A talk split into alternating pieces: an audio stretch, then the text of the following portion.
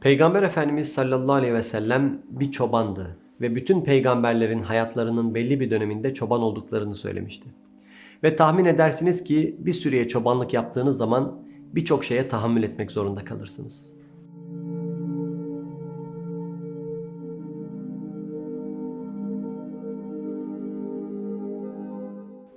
Efendimizin aleyhissalatü vesselam çok iyi tahammül ettiği şeylerden biri de uygunsuz görünen veya uygunsuz bir şekilde sorulan sorulardı.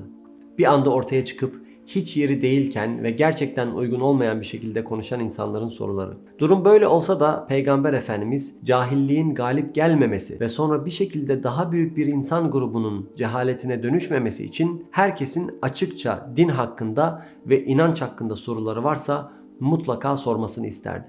Tabi bu süreçte sahabelerden bazılarının peygamberin huzurunda çok zor durumda kaldığı birçok olay var. Böylesine büyük bir insanın karşısında o huzurun edebine uygunsuz bir şekilde hal ve hareketlerde bulunan birinin daha sonra çok kötü hissetmesi, darmadağın olması, hatta her şeyin sonunun geldiğini düşünmesi bile muhtemeldir. Özellikle bedevilerin böyle hadiselerinin sık olduğunu görüyoruz ve genellikle bir bedevinin ortaya çıktığını vurgulayan bir hadis rivayet edildiğinde bedevinin Efendimizin sallallahu aleyhi ve sellem huzurunda tavırlarına dikkat etmediği kastediliyor. Yani onun hutbelerinin ortasında sözünü kesen, insanlarla konuşurken ona karışan, hatta ona çok daha yıpratıcı bir şekilde davranan bedeviler var. Efendimizin yaptığı tek şey ise eğer hutbe örneğinden gidecek olursak hutbenin ortasında durmaz, birisi uygunsuz bir şekilde soru yöneltse de konuşmaya devam ederdi. Ancak sözünü bitirdikten sonra soruyu kimin sorduğunu, sesini yükselten kişinin kim olduğunu bulur ve dikkatini ona yöneltirdi. Böylece tüm toplantıyı heba etmemiş olduğu gibi aynı zamanda o kişinin sorusunun boşa gitmesine izin vermezdi. Efendimiz'e hutbenin ortasında saatin kaç olduğunu soran bedeviyi duymuş muydunuz? Allah'ın Resulü hiçbir şey demeden konuşmasını bitirdi ve bana saati soran kişi nerede dedi. Sadece hutbeyi bölmek değil, başka birçok olay da var. Peygamber Efendimizin bir hadisinde de çok affedersiniz minberden kuru sümük topladığını ve insanların bunları bırakabileceği daha iyi bir yer yok mu diye sorduğunu biliyoruz. Gerçekten de peygamberin minberine burnunu karıştırıp oraya bırakmış bir adam vardı. Düşünebiliyor musunuz? Bir keresinde de mescide namazda konuşmanın yasak olduğunu henüz bilmeyen bir bedevi girmişti. Allah Resulü sallallahu aleyhi ve sellem sahabelere namaz kıldırıyordu ve bu adam Esselamu Aleyküm dedi ama herkes namazda olduğu için kimse cevap vermedi. Onlara selam verdiği halde kimsenin cevap vermemesi o bedeviyi gerçekten tedirgin etmişti. Konuşmaya ve bağırmaya devam ederek ne oldu neyiniz var gibi şeyler söylemeye başladı.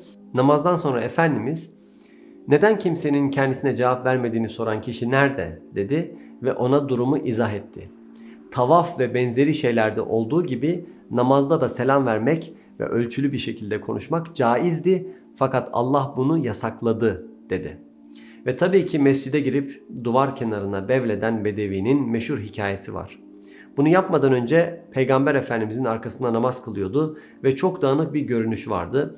Onun bu hali sahabeyi de biraz rahatsız etti. Mescitte hoş karşılanmadığını hisseden Bedevi namazın sonunda Allah'ım bana merhamet et, Muhammed'e merhamet et, başkasına merhamet etme dedi. Diğer sahabeler ona iyi davranmadığı için bunun üzerine Efendimiz sallallahu aleyhi ve sellem döndü ve şöyle cevap verdi. Bu kadar geniş bir rahmeti çok daralttın ve sınırladın. Allah'ın rahmeti herkesi kapsayabilir. Adam bunları dinledi ve sonra mescidin bir köşesine gidip bevletmeye başladı.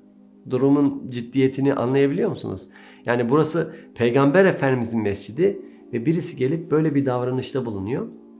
Tabi sahabe koşup onu dışarı çıkarmak istedi ama Efendimiz durmalarını söyledi. Hatta bırakın bitirsin, bitirsin onu daha fazla korkutmayın dedi. Adam işini bitirdikten sonra sahabeye birkaç kova su almalarını ve idrarının olduğu yere dökmelerini emretti ve adama sadece bu yerlerin, bu mescitlerin Allah'ı anma yerleri olduğunu ve birinin buralara idrarını yapmasının uygun olmadığını söyledi. Daha başka bir şey yapmadı. Sonra da Efendimiz sahabelere dönerek siz insanlara kolaylık getirmek için gönderildiniz, zorluk çıkarmak için değil dedi.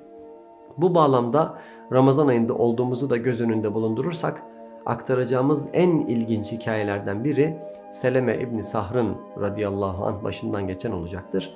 Seleme İbni Sahr kendisini ben bir başkasında rastlanamayacak derecede kadın mevzuunda zaafı olan ve şiddetli ihtiyaç duyan birisiydim diye tanımlıyor. Ramazan ayı girince tahammül edemeyip oruçluyken eşimle yakınlaşırım diye korktum ve Ramazan boyu devam edecek bir zıharda bulundum diyor. Yani bir insan eşine sen bana annemin sırtı gibisin derse bu zihar olarak adlandırılır. O dönem yaygın olan bir boşanma şekli diyebiliriz. Ve daha sonra Allah yasaklıyor bunu. Allah yasaklamış olsa da Seleme radıyallahu an zihar yaptı. Çünkü kendisini gündüz vakti eşiyle yakınlaşmaktan alıkoymanın tek yolunun bu olacağını düşündü. Ama bu çok uzun sürmedi. Aradan belli bir zaman geçti ve gündüz değil ama bir gece dayanamayıp eşiyle yakınlık kurdu. Sonra diyor ki ertesi gün uyandım ve gidip olanları akrabalarıma anlattım. Bana başım beladaymış gibi bakıyorlardı.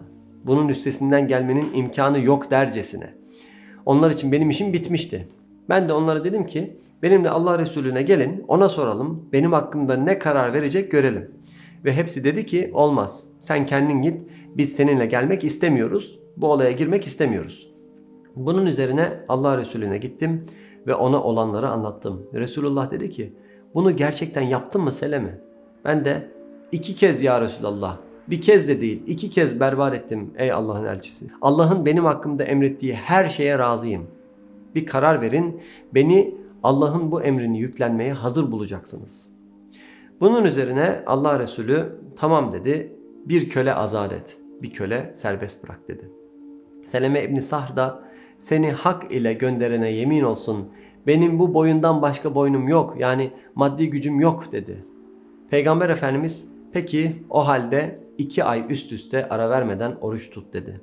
Seleme bu sefer de ya Resulallah zaten başıma ne geldiyse orucumu tutamamamdan dolayı geldi diye cevap verdi. Az önce Peygamber Efendimiz'e bana ne söylersen söyle kabul dediğini hatırlıyorsunuz değil mi? Ve şimdi Efendimiz ona bir şeyler söylerken mazeretlerini iletiyor. Bunun üzerine Hazreti Peygamber Efendimiz sallallahu aleyhi ve sellem tamam o zaman 60 fakiri bir vask hurma ile doyur buyurdu. Yani kişi başına 2-3 kiloya tekabül ediyor. Ona da ya Resulallah seni hak ile gönderene yemin ederim ki biz en aç insanlarız. Bizden aç yoktur. Bazen birkaç gece geçiyor ve biz yemek bulamamış oluyoruz dedim diyor. Peki Peygamber Efendimiz ne yaptı? Gitti hurmaları Seleme İbni Sahr için satın aldı ve dedi ki git ve senin için bu hurmalarla 60 kişiyi doyur artanlar da senin ve ailenindir. Ve Seleme İbni Sahr kavmine dönüyor ve kavmi onun büyük bir ceza alacağını beklerken onu sırtında yiyecekler taşıyan bir vaziyette görüyorlar. Ve onlara diyor ki size geldiğimde felaket ve darlıktan başka bir şey bulamadım. Fakat Resulullah'ın yanına gittiğimde genişlik ve hüsnü zanla rastladım. Ve bu Peygamber Efendimizin sallallahu aleyhi ve sellem tatlı ikliminde hep böyleydi. Her şeyi berbat etmiş olsanız bile o sizi mahkum etmezdi. O sizin için bir çözüm bulur, sizi rahatlatır, aynı zamanda Allah'a ve doğru istikamette geri dönmeniz için size bir yol haritası verirdi.